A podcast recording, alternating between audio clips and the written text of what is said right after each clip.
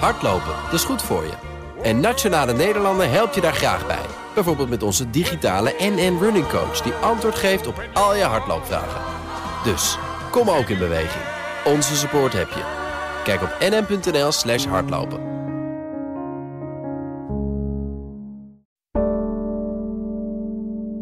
Een goedemorgen van het FD. Ik ben Hella Huuk en het is vrijdag 2 december.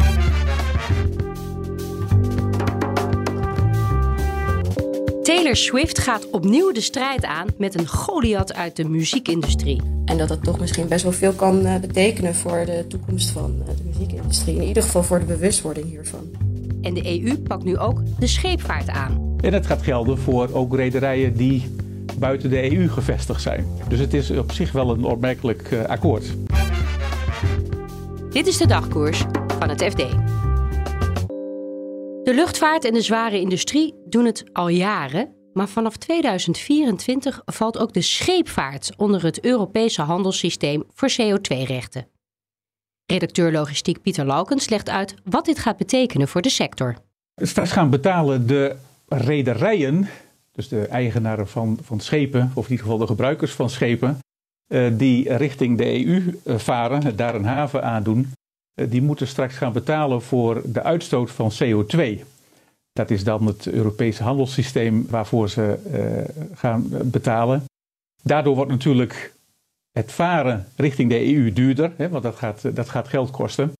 Zij gaan betalen voor het aandoen van EU-havens, maar dat geldt eigenlijk ook op de route tussen een niet-EU-haven en een EU-haven. Dus ook dat valt daaronder. Dus, en het gaat gelden voor ook rederijen die buiten de EU gevestigd zijn. Dus het is op zich wel een opmerkelijk uh, akkoord. Ja, het klinkt inderdaad uh, heel ingrijpend. Een van de aanjagers van het plan, de Duitse Europarlementariër Peter Liese, die stelde dat er meer dan tien jaar gestreden is voor, uh, voor een akkoord. Hoe bijzonder, Pieter, is het dat dit er nu eindelijk ligt?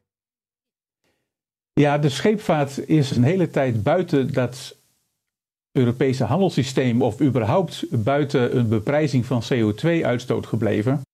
Dat is in Parijs wel geprobeerd, eind 2015, toen daar het Parijse Klimaatakkoord werd uh, afgesloten. Uh, de scheepvaart is daar toen onder druk van een aantal landen uh, buiten gebleven. De scheepvaartsector zelf wilde eigenlijk wel, maar een aantal landen was daar tegen. Toen is het daar dus buiten gebleven, maar in die tussentijd is er constant onderhandeld om daar toch een maatregel voor te nemen. toen is natuurlijk binnen de Europese Unie is de Green Deal afgesproken, hè, de Fit for uh, 55, Fit for 55 akkoord om de uitstoot van CO2 te verminderen. Daar is ook opnieuw de scheepvaart bij betrokken. En deze keer is daar dus nu wel een akkoord over binnen Europees verband. Alleen als je nog vaart ergens in Azië of tussen Noord- en Zuid-Amerika valt het natuurlijk nog niet onder. En de hoop is dat dat binnen uh, IMO-verband, het Internationale Maritieme Organisatie, ook alsnog een keer wordt afgesproken. Maar dan zijn we nog wel een aantal jaren verder, denk ik. Maar dit is in ieder geval een begin. Even voor mijn beeld, Pieter. Hoe vervuilend is die scheepvaart? Ja, sommigen noemen het een, een enorme vervuiler. Kijk, per, per schip uh, heb je een, een flinke CO2-uitstoot. Alleen per vervoerde eenheid valt het eigenlijk wel mee. Als je het over geheel bekijkt, komen ze ongeveer uit uh, zo rond de 800, 900 miljoen ton. Dan heb je het over 3% van de mondiale uitstoot. Dus in die zin zet dat dat wel in perspectief. Alleen ja, alle sectoren moeten uiteindelijk gaan bijdragen. Dus het is wel een stap in de, in de goede richting. Hoe reageren de rederijen op de plannen uit Brussel? Gaat dit een grote omslag vragen binnen de sector? Nou, binnen de sector uh, waren zeker de voorlopers uh, waren hier al mee bezig. Hè. Dan heb je het over de grote containerrederijen bijvoorbeeld, zoals Maersk. Die is daar al langer mee bezig. Ook CMA CGM, de Franse rederij, uh, was hier al mee bezig. Die heeft bijvoorbeeld 20 LNG-schepen besteld, die in ieder geval minder CO2 uitstoten. Maersk heeft een aantal schepen besteld die straks ook op groene methanol kunnen varen. Dus die grote rederijen waren er al mee bezig. Um, dus uh, de meeste rederijen beseffen dat ze ook iets moeten gaan doen over die CO2-uitstoot. een aantal jaren geleden hebben ze de zwaveluitstoot aangepakt. Dat is, nu, daar, daar zijn maatregelen voor genomen en die worden ook keurig nageleefd. Nu is de CO2 aan de beurt en zij beseffen wel, willen ze kunnen blijven varen op die oceanen, dan moeten ze maatregelen gaan nemen. En dat verlangen hun klanten, de bedrijven die goederen laten vervoeren, eigenlijk ook wel. Dus eh, op zich zijn de rederijen hier positief over. Ja, de kosten van uh, zeetransport die zullen op termijn met miljarden euro's oplopen. Gaan wij dat merken in de portemonnee? Dat is wel mogelijk. Uh, kijk, die miljarden die zullen door de rederijen worden doorberekend aan hun opdrachtgevers. En die zullen dat weer uiteindelijk aan de consument uh, doorberekenen. Dan klinken die miljarden heel veel. Bij de huidige prijs van, van CO2 heb je het over zo'n 8 miljard euro. Uh, dat klinkt heel veel, maar als je dat afzet tegen de totale kosten, dan uh, heb je een kostenvermeerdering tussen de 10 en 20 procent. Ja, als je dat per sneaker gaat uh, omrekenen, bijvoorbeeld ik bestel een paar Nike sneakers van 100 euro, dan heb je misschien over een dubbeltje wat erbij komt. Dus uiteindelijk valt het mee, maar goed, als consument dragen we bij, maar dan wel voor een, een schonere scheepvaart. Dus kosten voor de consument zullen uiteindelijk wel meevallen, maar je zult het ook gaan merken als je straks uh, met een veerboot van uh, Engeland of van het Europese continent naar Engeland gaat, uh, Hoek van Holland Harwich bijvoorbeeld. Ook daarvoor geldt dit systeem. Dus ook dat zal waarschijnlijk wat duurder gaan worden. Taylor Swift-fans zijn boos op het Amerikaanse bedrijf Live Nation. In november zaten fans klaar om een ticket te kopen voor de concerttour van de zangeres, maar miljoenen van hen kwamen daar bedrogen uit. Redacteur Maureen Blankenstein legt uit hoe dat zo is gekomen. In 2009 uh, heeft de Department of Justice heeft deze fusie goedgekeurd. Dat was wel onder bepaalde voorwaarden.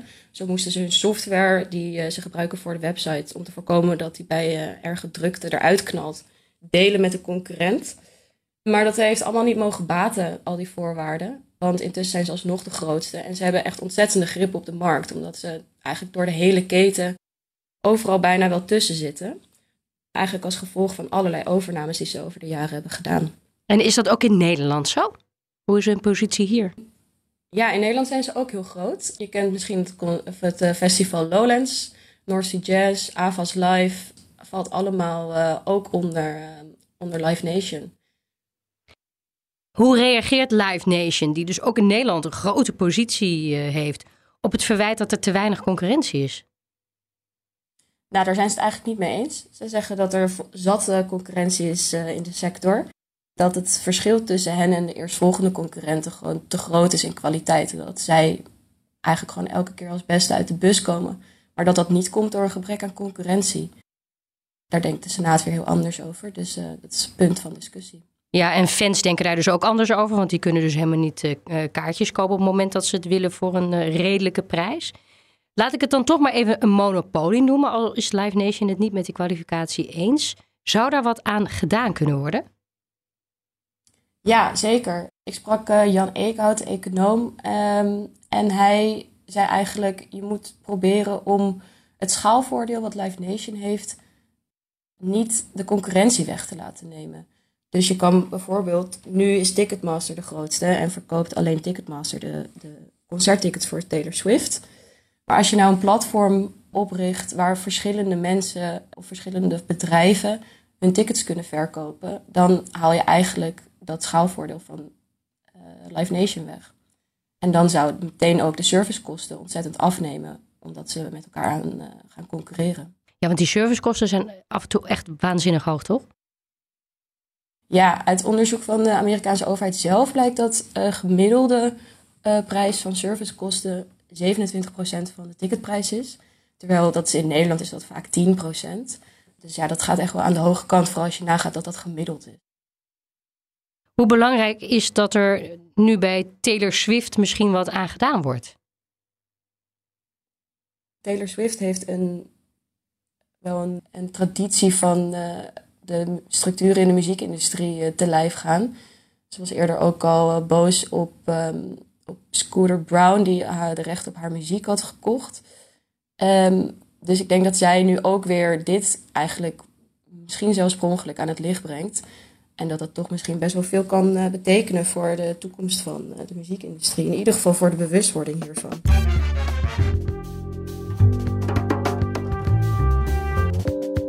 Dit was de dagkoers van het FD. Morgen vind je in deze feed de week voorbij. En dan staat er maandag weer een nieuwe dagkoers voor je klaar. Ondertussen vind je al het financieel-economische nieuws op fd.nl. Fijn weekend!